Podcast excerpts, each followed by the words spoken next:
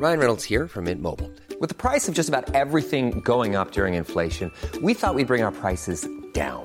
So to help us, we brought in a reverse auctioneer, which is apparently a thing. Mint Mobile unlimited premium wireless. Ready to get 30, 30, bit to get 30, bit to get 20, 20, 20, bit to get 20, 20, bit to get 15, 15, 15, 15 just 15 bucks a month. So, Give it a try at mintmobile.com slash switch. $45 upfront for three months plus taxes and fees. Promo for new customers for limited time. Unlimited more than 40 gigabytes per month. Slows. Full terms at mintmobile.com. Planning for your next trip? Elevate your travel style with Quince. Quince has all the jet setting essentials you'll want for your next getaway, like European linen, premium luggage options, buttery soft Italian leather bags, and so much more. And it's all priced at 50 to 80% less than similar brands. Plus, Quince only works with factories that use safe and ethical manufacturing practices. Pack your bags with high-quality essentials you'll be wearing for vacations to come with Quince. Go to quince.com slash trip for free shipping and 365-day returns.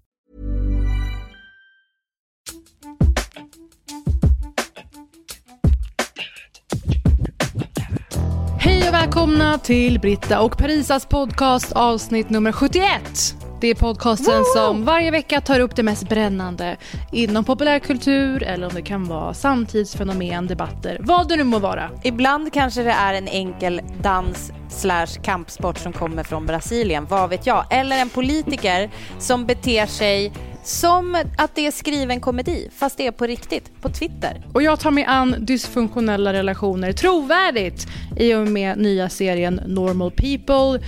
Vi kollar lite på hur Parks and Rec löste sin reunion och en favorit som får verka trots att den inte har BMI minus. Ännu ett pangavsnitt och idag är det fredag! Välkomna! Välkomna!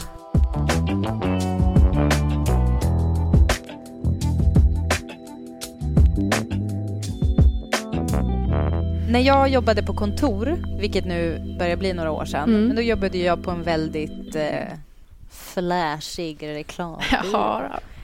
Vet du hur fredagarna var då? Det var fyllefest från början till slut. Ja, men alltså klockan 14... 14.15 då rullades vagnen in. Vad tror du det stod på vagnen? Det var inte barnvagn, det du har nu, utan det var en drinkvagn. Bruna, var- bruna vätskor. Det var fredagsölen. Det var fredagsölen och vinet som rullades in och chips och dipp. Och det var, som ni hör, innan coronatider, det bara dippade sig vilt. Man hade ingen kontroll om någon kollega dubbeldippade. Eller låt mig säga så här. Mina kollegor hade inte koll på att jag dubbeldippade. Nej. Och det var... Och jag kan sakna den där fredagskänslan så himla mycket. Har du något särskilt som du... Alltså, finns det något sätt för dig att skapa fredagskänsla nu för tiden? Ja men gud ja, men jag tvingar ju till det. Att jag faktiskt Ja. inte jobbar på kvällar och helger just nu. Som ett sätt att försöka skapa någon slags vardag, någon slags lust i helg och sådär. Eh, Men har du gjort absolut. sådär typ eh, Zoom-möte, fredagsöl typ, med folk? Nej men vi har ju spelat eh, quiz. Jag har blivit Ja. eh, ja, mer eller mindre kanonfull. Också för att det är så sällan man dricker alkohol nu tror jag. Att det krävs ja, men just så det, du har ju lite. quizat, du har ju quizat på Britt och Parisa. Det har ju varit en fredags... Ja men vad fan, det var så länge sedan. Fredagsgrej. Får jag dåligt Mm, samvete borde- igen. Men det, det löser borde vi. hända igen. Eh, Men det är så kul att du säger det här med din gamla reklambyrå, för jag läste näm- nämligen en, eh, en viss omslagsintervju i en viss tidning som handlade Aha. om eh, Bryta med ett T. Brita. Och, Varför? eh, Det stod inte Brita med... ett- Alltså det stod inte så som du uttalar det. Det är hur du väljer att uttala det. Där i alla fall så eh, det var eh, särskilt en grej jag fastnade för, vilket är intressant med tanke på att det var typ fyra sidor intervju, vilket var I jättemysigt. senaste, ma- I senaste mamma. Ja. Eh, Men en, tror var din mamma hade fått slänga in ett citat, tror jag. Nej! Jaha. Det här är från tv-serien, fan. Men oavsett, där det var lite vibben, ehm, Britta trivs på fjället och vid Stureplan, eller något sånt där. Ja, det sa min mamma i tv-serien. Absolut. Och då, för det är roligt, för alltså det är kul, för jag tänker att folk har en bild av Stureplan som är nattklubbar och drinkbord. ja, men det är ju också... det är en ju också olycklig jämförelse. Man måste ju också säga att min mamma... min mamma är ju från Umeå. Ja. Hon är ju väl bevandrad i Stockholm, Ja. dock. Men hon, alltså hon vet inte att Stureplan, där hänger man och super och går på klubbar. Hon tänker Stureplan, där ligger de flesta butiker och där ligger också L-redaktionen. Ja. Alltså hon är ju liksom bokstavlig i det, men det blev ju lite, det blev liksom lite annorlunda. Det är kul, för jag I- kopplar ju det till att vi sitter på O'Larrys och dricker öl. Ja, Den historiken. Men när din mamma säger så, då får man ju en inre bild av att Nej, du har haft vet, partytopp och låga Nej, men alltså att jag typ har drinkbord på något ställe. Kan vilket aldrig har hänt. anmäla din mamma för förtal? Men jag har ju varit, alltså jag har ju jobbat på reklambyrå. Jag har ju faktiskt varit ute och, och liksom ganska alltså så här stekvarit ute. Det har jag ju. Där jag har liksom, jag, alltså där jag har Mhm. druckit såna här typ smaldrinkar och sånt. Alltså typ så vodka och typ mineralvatten Ja, och sånt. fan. För att man inte ska bli tjock. Alltså jag har ju, jag har ju varit med om det livet bara för att jag jobbade just på nämnda reklambyrå. Men det, alltså, det var ju inte direkt något jag känner att jag vill bli ihågkommen för. Så det, tack mamma. Tack mamma.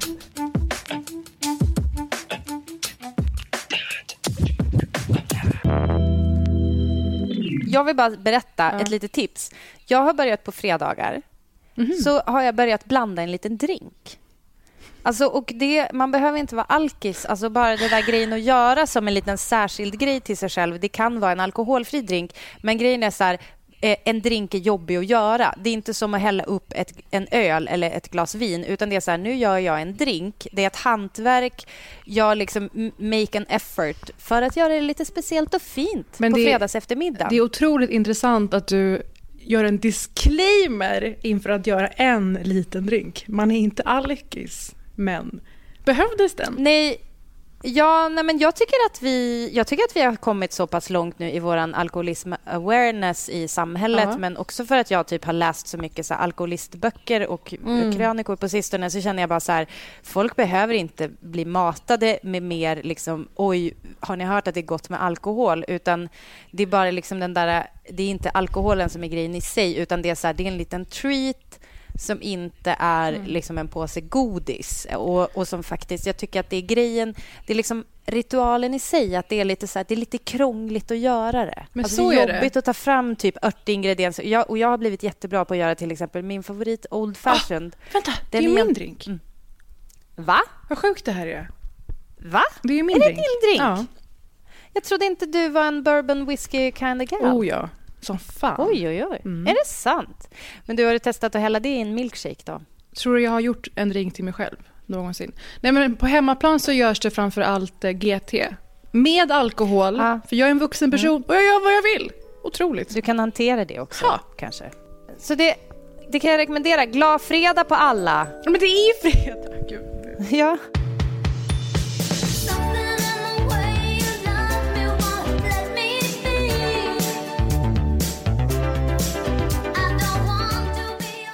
Idag, fredag den, vad kan det vara, 8 maj, 8 maj.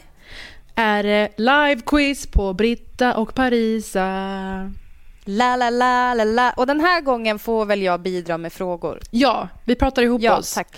Och så Ja. live-quiz som startar, ska vi säga åtta, när folks barn Klockan sover. 20. Klockan 20. Klockan ja. 20 på fredag så kör vi live-quiz på vår Instagram.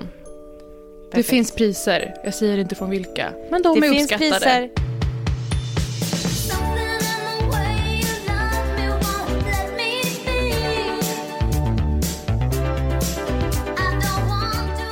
Jag tänkte säga eh, tre stycken grejer som gör mig glad just nu. Får man vara så, får man vara så basic? Får man Får vara glad? basic bitch? Får man vara glad? Ja, får man vara glad? Det är fredag. Nej, men jag, eh, jag blir glad av Jonas Sjöstedt. jag blir glad av Jonas Sjöstedts ehm, totalt hämningslösa stil på Twitter. Men du vet varför va? Ja, Hans liv, hans liv har ju derailats helt. Så jag tror att han har en no fucks given attityd nu, mer än någonsin. Det är lite svårt för mig att prata, alltså bara så här helt, bara säga att jag gillar Jonas Sjöstedt. Jag säger inte något om Vänsterpartiet som sådant eftersom jag inte får uttala mig partipolitiskt. Jag tycker bara att det är roligt vad han håller på med på Twitter. För han twittrade ju i helgen, var det väl? Eh, så apropå att Rickard Herrey ville att Jonas Sjöstedt skulle gå ut och ta eh, avstånd från en AFA-attack. Eh, för att inte säga hela gegget med det. Men det var väl... Det har du hängt med på, va? Men alltså för att säga hela gigget så är det så att AFA, antifascistisk aktion, eh, har vandaliserat eh, Irene Svenonius hem. Och Irene Svenonius är en otroligt eh, demoniserad figur i den yttervänstern för att hon ser ut att vara den som bär hela privatiseringen av vården, eller alltså allt som de vänder sig mot i Stockholms stad. Och jag tyckte att det var vidrigt gjort såklart, för det var hennes bostad med hennes familj och hennes adress låg ute, alltså ett uppenbart hot egentligen. Men Hon, det hon är Rickard- moderat Ja. och finansregionsråd. Just det. Men det Rickard Herrey gjorde ju var ju att tycka att Jonas Sjöstedt skulle Ja, ut och... skulle gå ut och ta avstånd från AFA. Och det hade, han var besviken på att Jonas Sjöstedt inte hade gjort det. Varför det nu spelar roll för honom Mm. är ju konstigt. Rickard Herrey är moderat. Väl? Minst. Minst. Oavsett vad man tycker om den här frågan. Självklart tycker inte jag att någon ska vandalisera någons hem. Ja, Jag tycker det är vidrigt. Men jag tycker att det är roligt att då orimligheten i att Jonas Sjöstedt på något sätt ska överhuvudtaget eh, ta, Mm. ta något... Alltså för genom att ta avstånd så blir det också som att han på något sätt ska ta något slags ansvar för sitt agerande. Ja, men i, det är som när... det där. Det är som när muslimer i Sverige skulle ta avstånd från olika IS-terrordåd.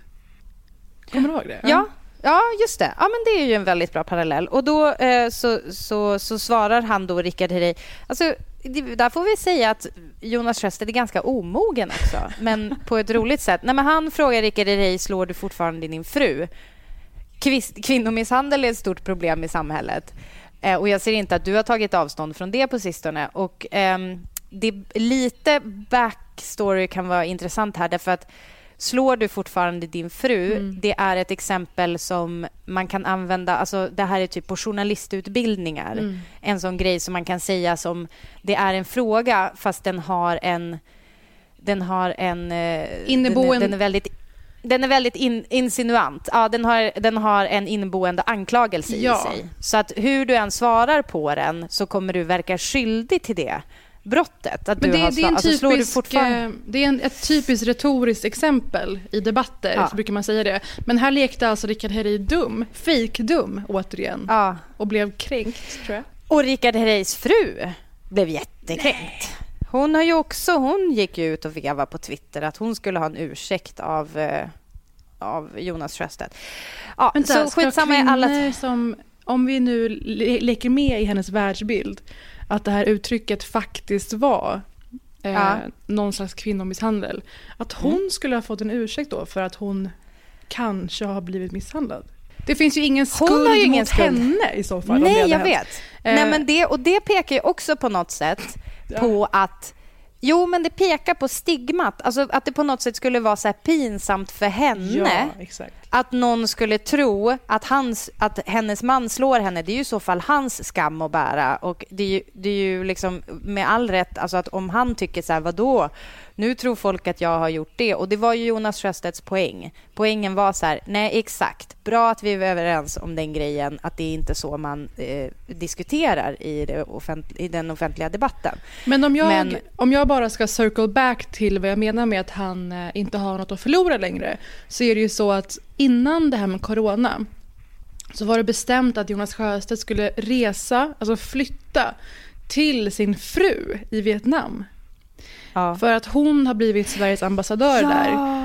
Och eh, han skulle ha ett café och hade värsta planerna. Sen i och med det här så blev, blev det ju omöjligt att tillsätta en ny partiledare för vänstern. Och han blev kvar i Sverige. Så jag tror att han bara liksom går runt och väntar på att slippa den här cirkusen och eh, vill få åka till Hanoi. Just det, det är det ja. Han kan inte åka till Hanoi just nu. Ja. Nej, men alltså Jonas Sjöstedt är ju nu exakt så som Ricky Gervais karaktär är i Afterlife. Han känner att han har inget att förlora, så han bara, han bara tar bladet från munnen och berättar som det är. Och jag tycker att det är väldigt kul och uppfriskande. Eh, jag blir sugen på att börja med Twitter igen. Är det så här kul det kan vara på Twitter? Sällan, men ja. Söka jobb? Ja, det är klart jag ska göra. Vad vill du göra då? Ja, jag kan tänka mig allt möjligt från att starta ett café till att skriva en bok till mycket annat också.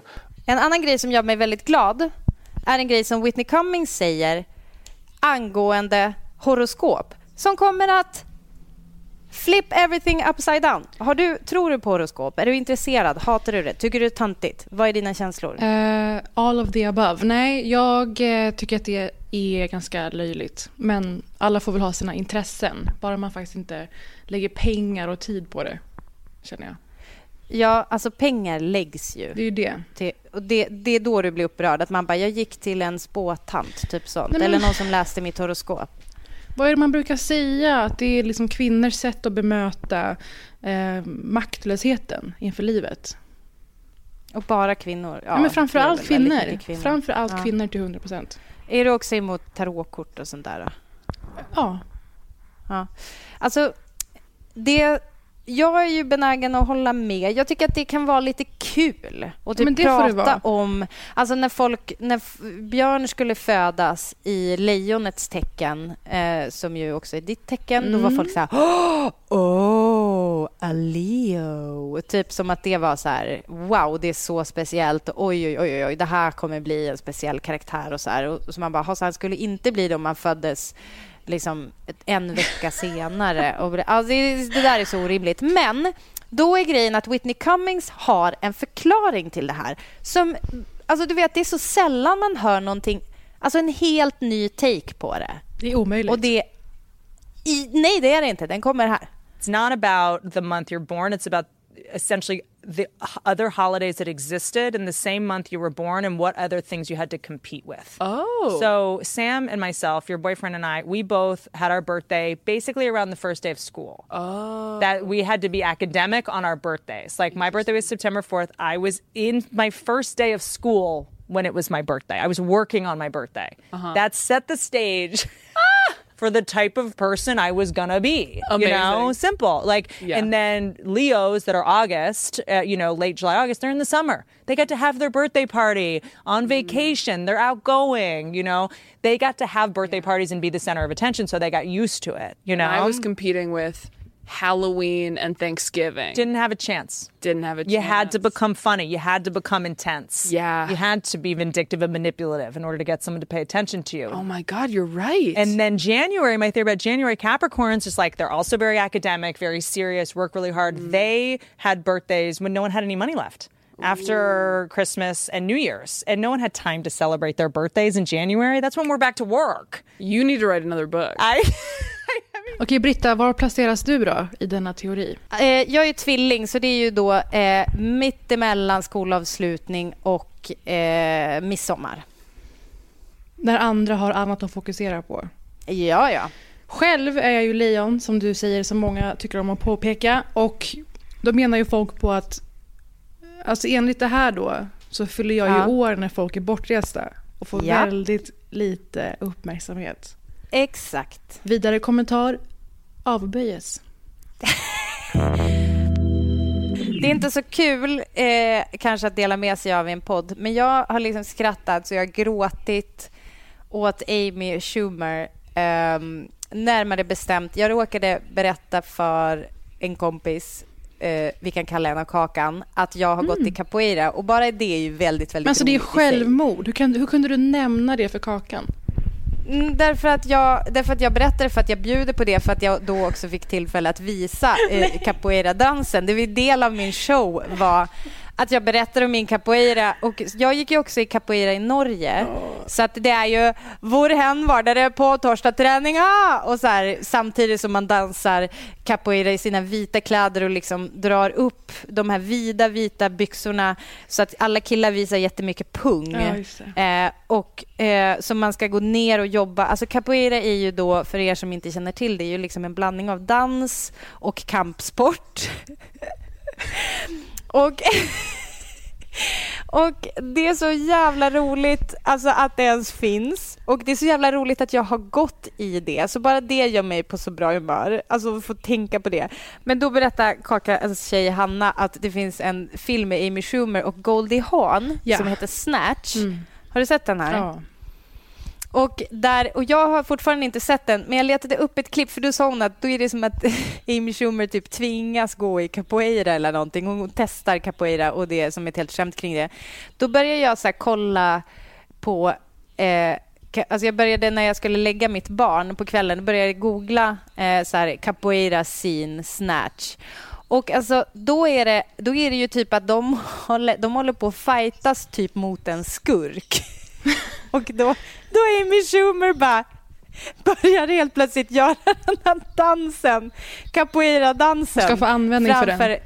en människa som ska föra bort henne typ. Och, eh, Men det som händer, Det är så- de är alltså mamma och dotter. Jag älskar ju Goldie Hawn väldigt, väldigt mycket. Så jag såg ju den här på ett flyg. ja, jag gör också det. Grät för att jag var på ett flyg mest tror jag. Man gråter på flyg. Ja, det gör Ja. Men eh, själva storyn är att de åker till en resort tillsammans. De har lite skavig relation och så händer en massa saker. De mer eller mindre kidnappas. Why did you come to South America? I never wanted to come. For the cultural experience. I don't speak any Spanish. I know what they called me at the restaurant. Puta, which means princess or pretty or... No, it means whore. That checks out. Det är sjukt roligt att man ska ta sig ut, en sån, ut ur en sån situation, en, en konfrontation med en kidnappare genom att dansa sig ur den. Men det här är ju ditt sätt att säga att ge fan i att att försöka gå på mig. Du har gått på. Absolut, för då kommer, då kommer jag rundkicka eh, och jula iväg.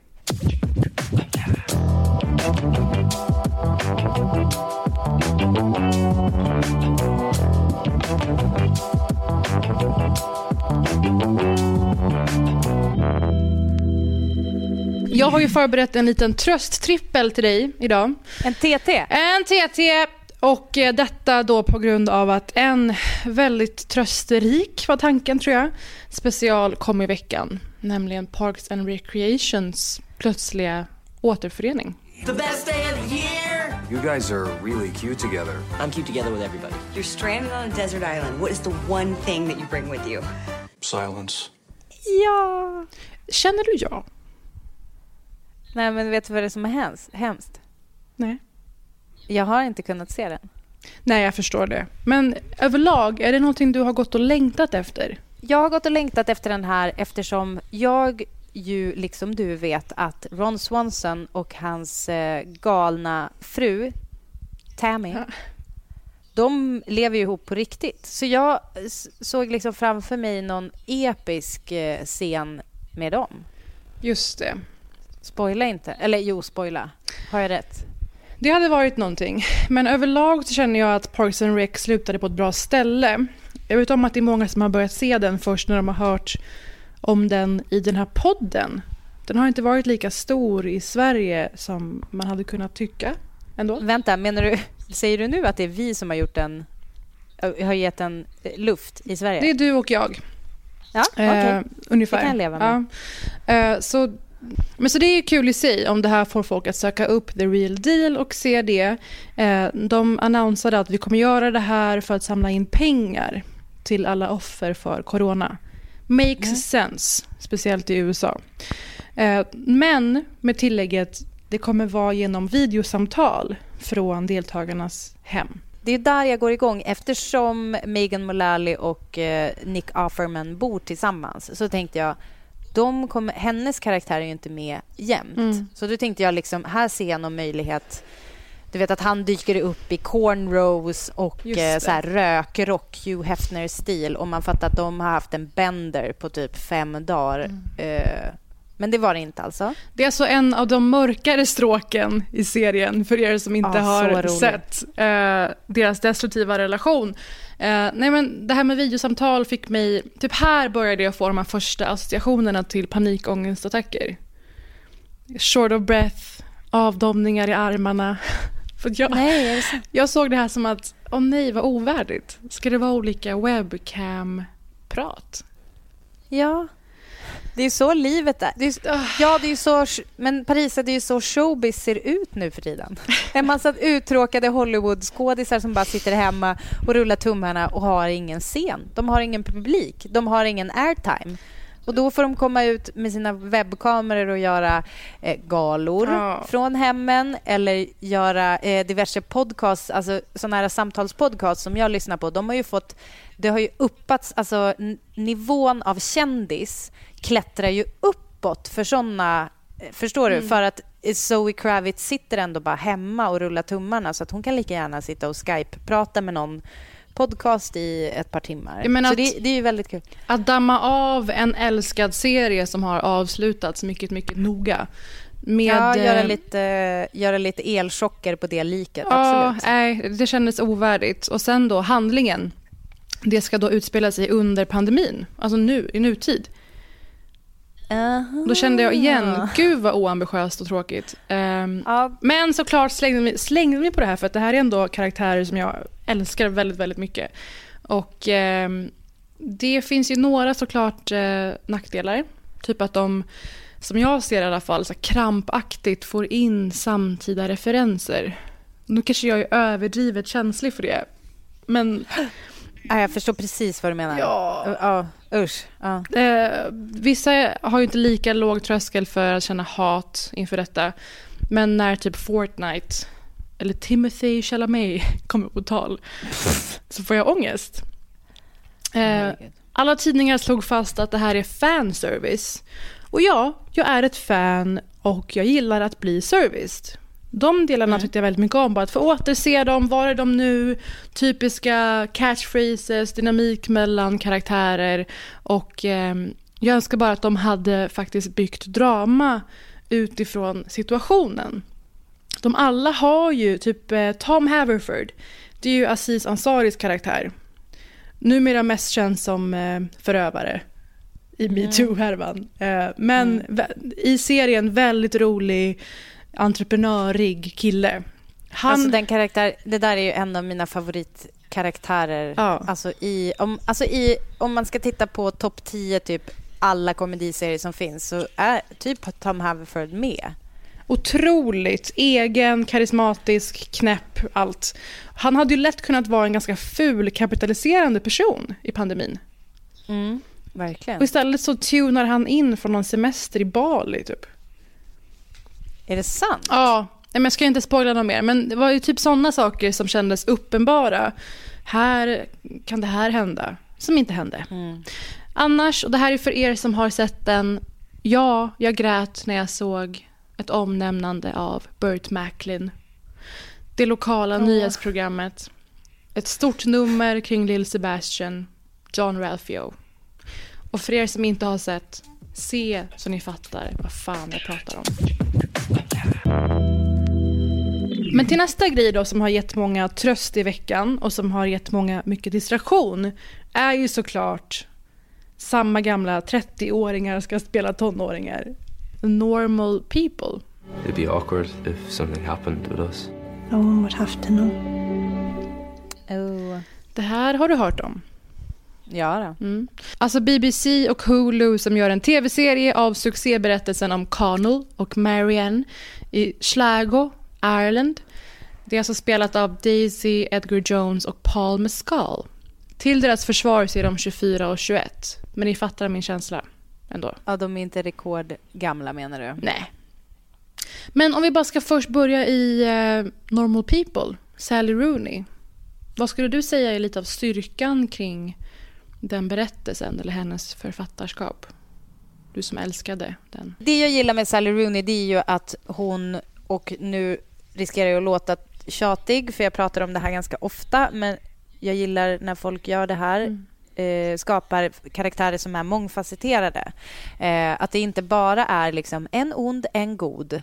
Ehm, och jag pratade faktiskt eh, alldeles innan vi började spela in den här podden så pratade jag med min svägerska som är regissör och, och, och hon sa bara så här i som en bisats att hon bara det är väldigt kul så här man skapar drama och alltså mycket så här filmer och drama går ut på så här åh det är en jordbävning eller eh, åh det är typ en pandemi, inte Mm. fan vet jag. Men, men att de verkliga dramerna som känns för människor, det är ju de som utspelar sig, alltså typ oj, den där människan typ sårade mig Mm. eller så här, oj, jag typ eh, eh, så här, var lite otrevlig i ett möte för att jag typ hade mens. Alltså det är ju det som är det verkliga dramat som, som rör sig mellan oss människor pandemi eller inte. Är du med? Mm. Alltså det är som att vi, blir, vi är egentligen helt oberörda av sånt och det som spelar roll är liksom hur vi är mot varandra. Och Det tycker jag Sally Rooney är så fruktansvärt bra på att ta vara på, inte minst i dialog.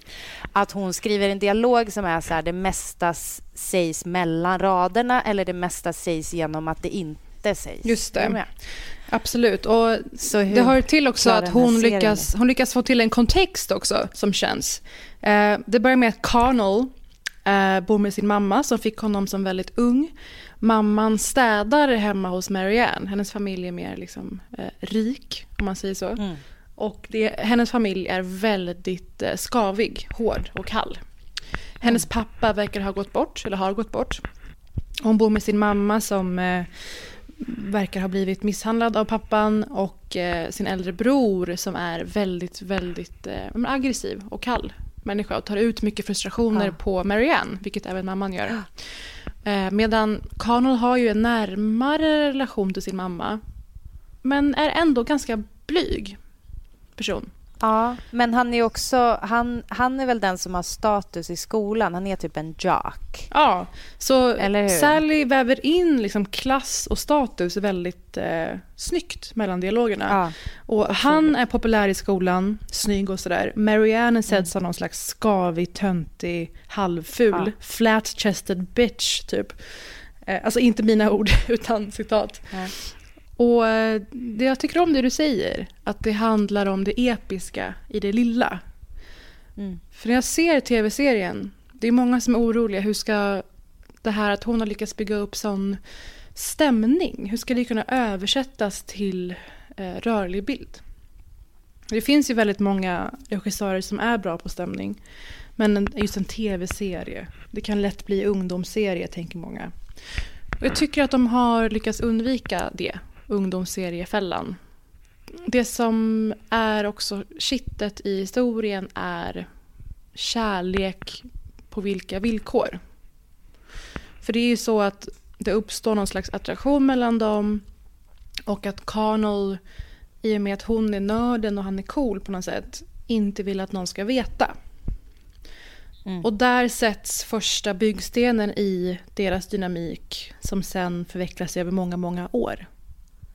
Och jag är ju väldigt intresserad av just dynamik, hur den skiftar mellan miljöer, hur våra omgivningar påverkar våra relationer och allt vad det kan vara. Och maktkamp i Mm. relationer. Verkligen. Det är ju det som är jätteintressant här. Alltså att, att man kan tänka... Alltså det är så... Alltså som, som ni ju förstår, givet den här plotten, så är det ju att Marianne kanske i samhället har en annan självklarhet eh, på grund av ekonomiska förutsättningar och status. Men i skolan, där det liksom är andra regler som gäller, där är det den som är duktig på fotboll bra. Men han har en mamma som städar hemma hos hans skolkompisar. Och hur påverkar det honom? Och också då den här grejen att hon regelbundet blir utsatt för emotional neglect, som är min, min nya favoritterm. Den är så, det är så bra. Mm. Att det, det är som en, en misshandel fast det är liksom frånvaron av eh, käns, känsloyttring, eh, goda känsloyttringar. Eh, så, och en ganska penalistisk brorsa. Då. Så, alltså, det är jätte liksom, giggigt och väldigt eh, Men vad bra ja, men att du- superintressant med vem som har makten. Men Vad bra att du kommer in på det. Det här är något man kan läsa om i typ Bell Hooks har skrivit den här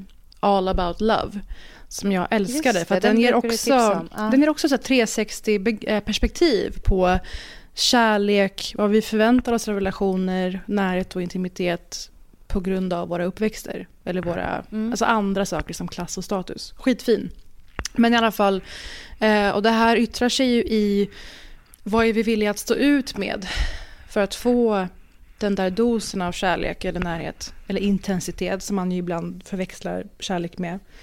Vad är vi villiga att stå ut med i form av förnedring? Eller i form av vad kompromissar vi bort för att få någons uppmärksamhet för en stund? Mm. Så jävla fin och eh, serien gör ju att jag återupplever så mycket av tankar och sånt som när jag läste boken först. Men Mm. om vi bara, vad är dina för- förväntningar på serien? Eller vad ser du som så fallgropar? Det här får inte hända. Nej, men jag skojade lite i förra avsnittet så sa jag ju eh, alltså, hoppas att det är en het kille. För att när man rollsätter en tjej så är hon oftast så, har så stora krav på sig att vara het och killen kan typ mer vara intressant. Men den här Connell, jag tänker väldigt mycket är ju, alltså de har ju en väldigt stark så här, sexuell dragning till varandra och att det är, det är typ en grej som jag tycker att man måste, man måste förstå. Mm. Eh, Det kanske låter ytligt, men jag, jag kommer faktiskt eh, återkomma till typ det här om en liten stund.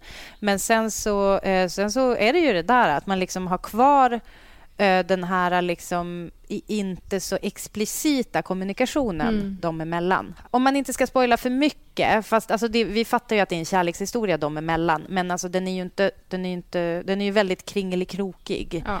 Och jag, jag hoppas verkligen att man har kvar den där, just som jag sa, att det är, så här, det kanske är mer vad som inte sägs eller vad som sägs mellan raderna Mm. som är det, styrkan i den här berättelsen. Och det kan ju vara lite...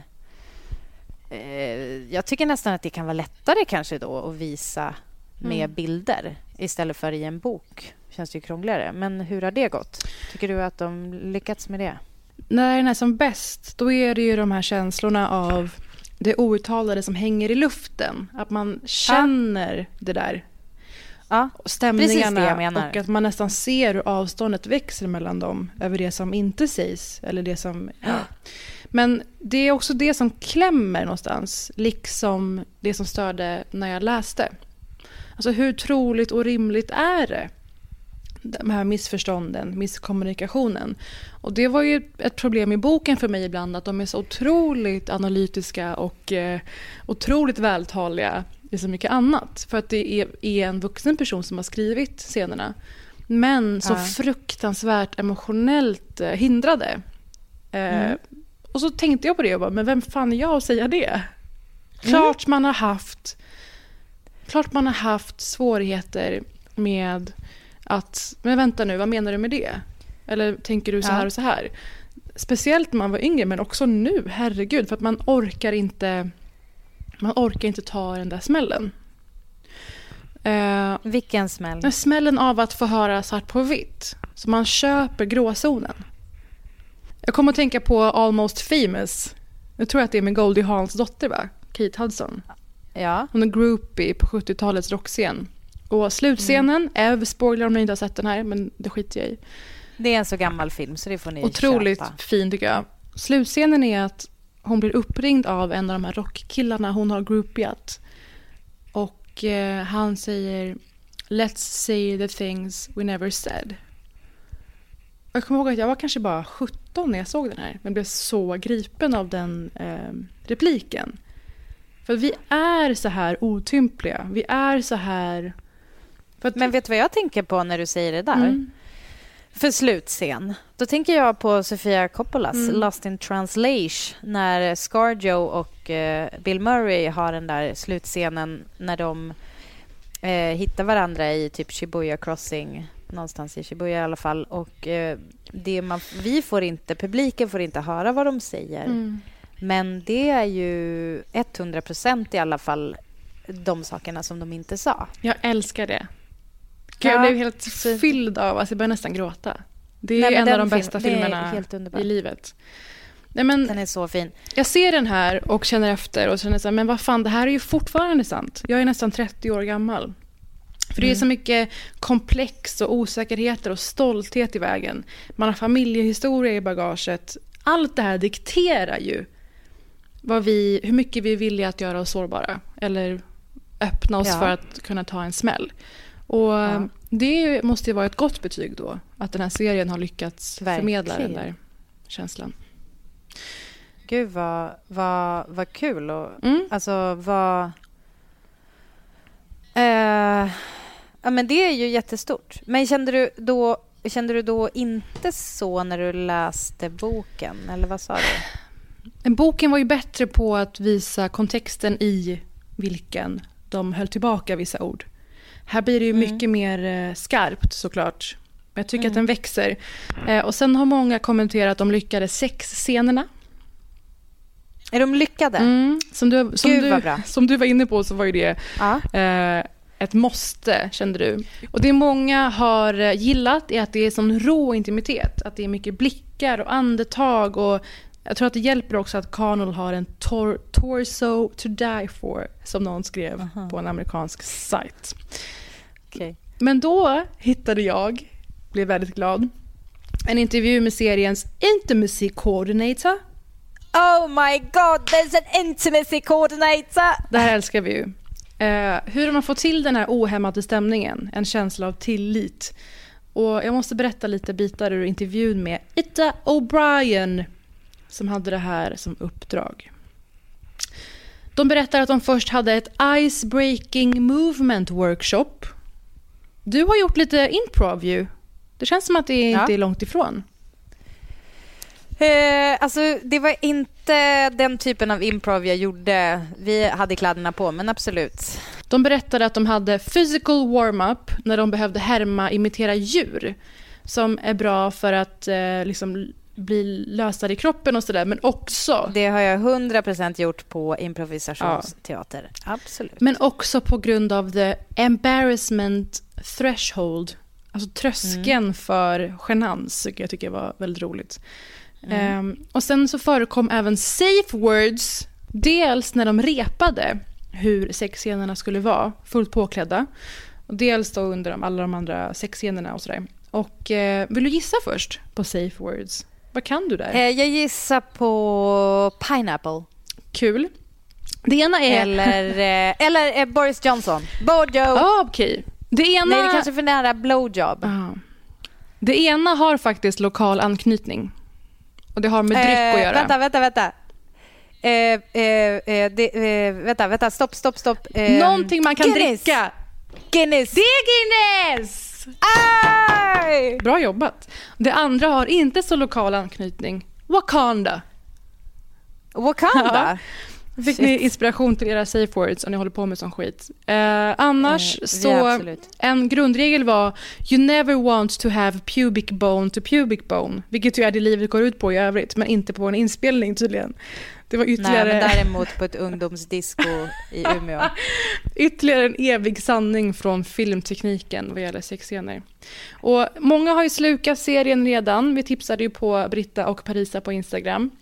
Yep. Dock förvånad att så många har DMat att de har sett allt och nu ska läsa boken. Tar inte du illa upp? Alltså, jag är inte arg, men jag är besviken. Ja. Ja, det är mycket mindre commitment att titta på en tv-serie än att plocka upp en god bok. Jag, jag tycker att det finns... Alltså jag har ju så här tjatat nog om den här boken eh, så att jag kan väl känna att jag, jag är välkommen då. Ni kom sent, men, men kul att ni kom överhuvudtaget. Och kanske bokstavligt talat. Ja, alltså det är upp till er hur ni vill leva. Men ni tar oss alltså inte på orden, känner jag. Eh, normal Nej. people och min favorit, den mer komplexa Conversations with friends. Alltså, Conversations with Friends är ju en bättre bok, tycker jag. Alltså jag tycker att den är en mer, det är ett större författarskap, eller vad man ska säga. Normal People är typ en, jag tycker att den är touch av ungdomsroman, Mm. fast väl, alltså i liksom top notch upp ungdomsroman. Men jag tycker ändå att den är så här, det, Conversations with Friends är mer vuxen och mer intressant Mm. kanske. Och Normal People är mer något man slukar Mm. eh, för att det är jätte, alltså, jättebra och smaskigt. Men, Typ men grattis ni som har de här två böckerna framför er. Ja, jag menar gud. verkligen det. Fan, att ha, att ha det oupplevt känns så Mm. stort. Men också serien. Den sista biten i trösttrippen är i form av Mindy Kaling. Well, I manage my department, and I've been doing that for several years now. And God, I've learned a lot of life lessons along the way. Your department's just you, right? Yes, Jim, but I am not easy to manage. Do you even have kids? How dare he? Do I look like a woman who's had kids? I have the hips of an 11 year old boy. Åh ja. Varför nu, tänker du kanske? Jo, nej, Nej. för jag vet att hon... Du har kanske tittat på hennes nya tv-serie. Har du Featuring det? Inte henne. Nej, jag har inte det. Så här, det är en Netflix-serie som heter Never Have I Ever. Ni har säkert sett Ja. den i flödet för den har tydligen gått väldigt, väldigt bra. Kul för Mindy, känner jag först och främst. Hon är ju både skådis och kreatör. Hon är antingen manusförfattare eh, och eller regissör på i princip allt hon tar sig an. Mm. Från Late Night, filmen med Emma Thompson förra året, om att ta sig in i Late Night talkshow-världen som ung och brun och kul. ung och brun och kul! Skriv det på min, min grav, gravsten. Eh, men Never Have I Ever sitter ju väldigt tryggt i ungdomsserien. Så det är lite av ett antitips. Vadå då? Så ungdomsser- Får man inte titta på ungdomsserier Ni får jättegärna göra det. problemet? Ni får jättegärna göra det. Och den är säkert jättefin för att den har ju gått väldigt bra. Men jag gillar ju ungdomsserier som kanske handlar absolut till viss del om ungdomar. Men har ett bredare eh, spektra eller tilltag än så. Typ eh, Sex Education lyckas ju ha en dimension kring vuxna och ett intressant sätt att belysa grejer på. Inte minst Persbrandts skinker. Han är sexig hantverkare som dejtar någons sexiga sexterapeutmamma, nämligen Gillian Anderson. Men den här Never Have I Ever då, jätte, alltså beundransvärd ambition att inkludera en brun flicka i den här typiska historieskrivningen kring high school och tonårsöden. Det här är Mm. den typiska nörd, försöker desperat bli cool och, ursäkta uttrycket, fuckable. Ehm, men det är bortom mitt tålamod kan man säga. Vet du varför det är bortom ditt tålamod? Du är liksom inte intresserad av den typen av... Nej men just det jag sa tror jag. Just det jag sa att den har inte en dimension som också är med udd eller med skärpa och känns som att det finns en, ett vuxet tänk. Den, den är Men nog är för så här- tonåringar och 20-åringar. Ja, men alltså, alltså, det roliga är att jag är ju...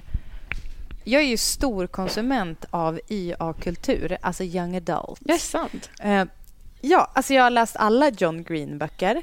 Alltså. The Fault in Our Stars. Åh, Ja, The. Fault in Our Stars. Har du läst den? Inte? Nej. Men, hur, men hur vet, vänta, nu har jag ett föraktfullt litet leende på Jag Paris tror jag såg fem minuter av filmen på ett flyg. Nej, men inte... Du pratar vi ju precis om. Mm. Att läsa boken är en helt annan upplevelse än rörligt. Mm. Så, alltså, så här...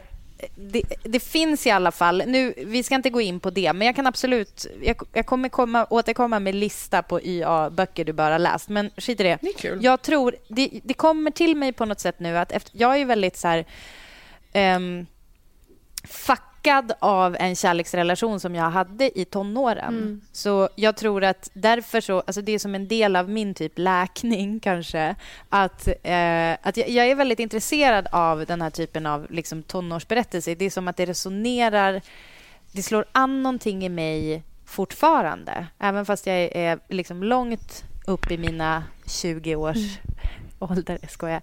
Men alltså, jag, jag känner att det finns en relevans för mig även fast jag inte tillhör den eh, kanske tydliga målgruppen. Men det är ju någonting som jag tror att alltså alla har vi gått i högstadiet. Alla har vi haft den där första kärleken. Så att jag, jag trodde inte alls att det skulle vara irrelevant för vuxna. Nej, men jag tror inte Men- bara därför, utan för mig är det ett utförande. Att det känns Jaha, lite okej, glättigt, ja. lite ytligt. Jag ja, kan inte... men glättigt kan väl vara kul? Men kolla på det. Ja, jag i alla fall. Ja, Kolla jag, på Never Have I Ever, Britta, om du kommer- vill det. Absolut. Jag däremot tänker utnyttja tillfället och upplysa er om Mindy Kalings två böcker. Ja, För jag tror att vi inte har nämnt dem i podden. Jo, det har vi gjort flera Ja, gånger. bra, då. tror jag. Ja. Den- Eller alltså, jag, det är nog länge sedan nu. Ja. Den första boken heter Is everyone hanging out without me? Och den andra heter Why not me?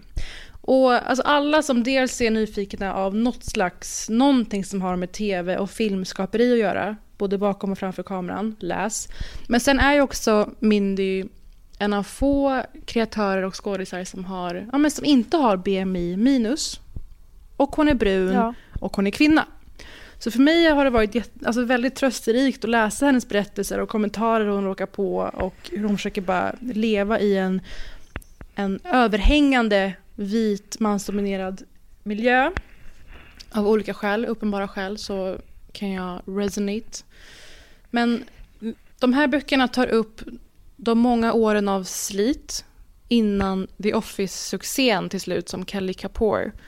Till exempel... Ja, och också Ja. manusförfattare Ja. för The Office. Men till exempel den föreställningen hon gjorde som gjorde att folk fick upp ögonen för henne.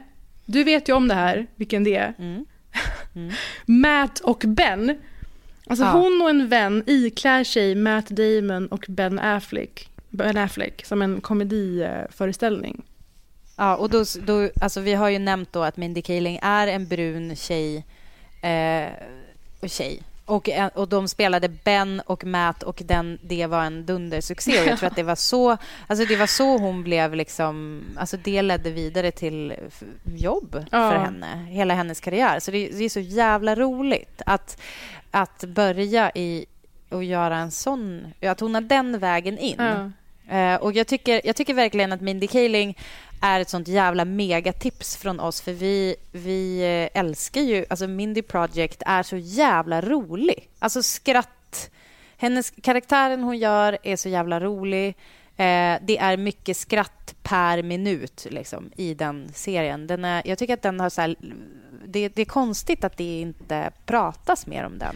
För den är så fruktansvärt bra. Ja, hon spelar någon slags äldre eh, semiversion av Kelly Kapoor. Ni som har sett The Office vet ju att Kelly Kapoor är någon slags självupptagen, ganska eh, instigating vill jag säga.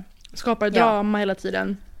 Och eh, Mindy Project, där är hon en, absolut, en vuxen gynekolog med en egen klinik. Ja. Men hamnar i som privata eh, tveksamma situationer hela tiden. Och eh, vi får läsa om hur hon lyckades avancera till, ja, manusförfattare i The Office. Men också misslyckanden som när hon skulle skriva för Saturday Night Live. Men eh, alltså fick ändå lära känna Bill Hader, Tina Fey, Amy Poehler och company. Och så när jag bläddrade i morse genom boken så hittade jag en passage om eh, självförtroende och kreativitet. Att det handlar så mycket om att våga ta ett anspråk. Fastän alla ser ner på en, eller tror mindre om en på olika sätt. Just det. Jag tänkte läsa en bit ur en bok för er i podden. Gud vad mysigt. Och vilken av dem är det här? Är det is, eh, is everyone hanging out without me? Det här är ur Why Not Me. Där jag skulle säga att hon är lite mer, hon är lite vassare i den. Hon kanske har vågat mer att eh, se mig hänga ut folk. Om självförtroende då, i den miljön hon verkar i.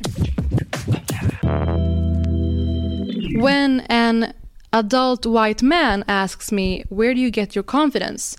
The tacit assumption behind is because you don't look like a person who should have any confidence. You're not white, you're not a man, you're not thin or conventionally attractive. How were you able to overlook these obvious shortcomings to feel confident?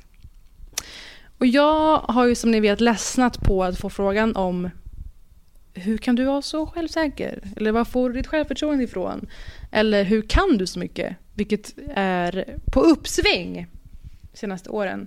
Hur kan du så mycket? Ja, och då är det som att allt man har gjort och lärt sig att det är alltid underordnat vad folk antar utifrån att se en.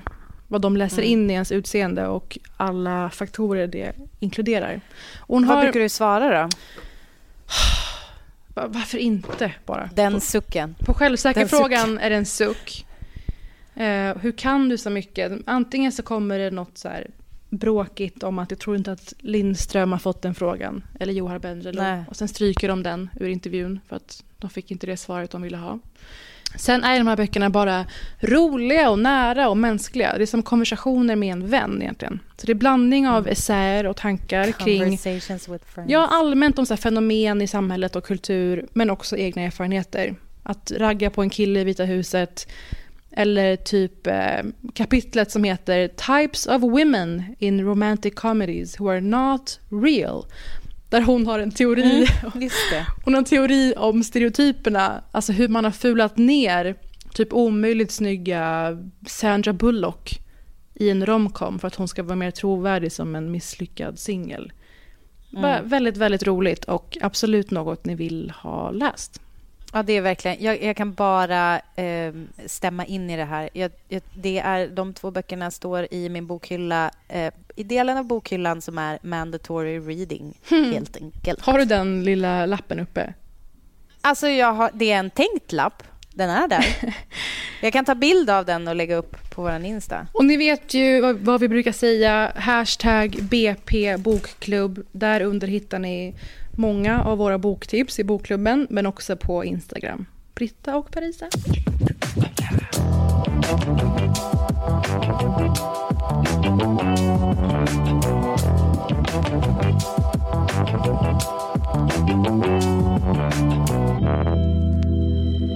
Jag var ihop med en kille förut. Vet du, kan, pra- kan man prata om ex? Man kan prata om ex. Vi, vi Snälla pratar rara, jag väldigt gift- mycket om ex. Jag har varit gift med Kalle i snart tio år. Jag var förut ihop med en kille som var så här att han kände sig fredagssprallig. Och det tycker jag, jag brukar tänka på det ibland, det är så jävla roligt. Alltså det är som så här, nu jävlar, eh, så firar ni lite fredagssprall med oss och var med på liven ikväll klockan 20. På Brita Då blir det och quiz. Parisa. Brita med ett T. Och det uttalas Mm. också Brita. Fuck you, det där är så jävla härskarteknik. Aj, jag fick ont i njurarna av att skratta. Aj. Ehm, Det kan du ha. Det var Gud som Ja, straffade dig direkt. jag kände för det. att hon hörde att du snackar skit om mig. Jag hörde det. Ja. Men eh, vad mer kan vi säga? Jag ska nu precis se att eh, Anders Tegnell har gästat min killes eh, program. Trevor Noah. The Daily Show. Åh, mysigt. Alltså Anders Tegnell, han kommer ju turnera världen runt sen. Malala style. Ja. Ja. och så finns vi på Instagram, det vet ni. Undrar om man har med sig sitt spjut i handbagaget då. Det kanske man får post-corona. Flygbolagen bara “We'll take you if you want to travel, we'll take anything”. Och så man, får man med sig sina spjut och sina vapen och Vätskor! över två deciliter på planet. Äntligen. Rest in peace Norwegian. Ja. Tack för att ni lyssnar. Vad är ni för typer egentligen? Tack för att ni lyssnar. Puss på er. Vi hörs nästa vecka. Hej då! Men fan, nu vet du vad som är kukigt? Nu tog inspelningstiden slut och jag har ju suttit och pratat om att det ska komma sen mitt prat om... Jag skulle vilja prata om sex, men det får jag spara till nästa vecka. Så håll i er, ni som är sugna på lite god runk. Otroligt.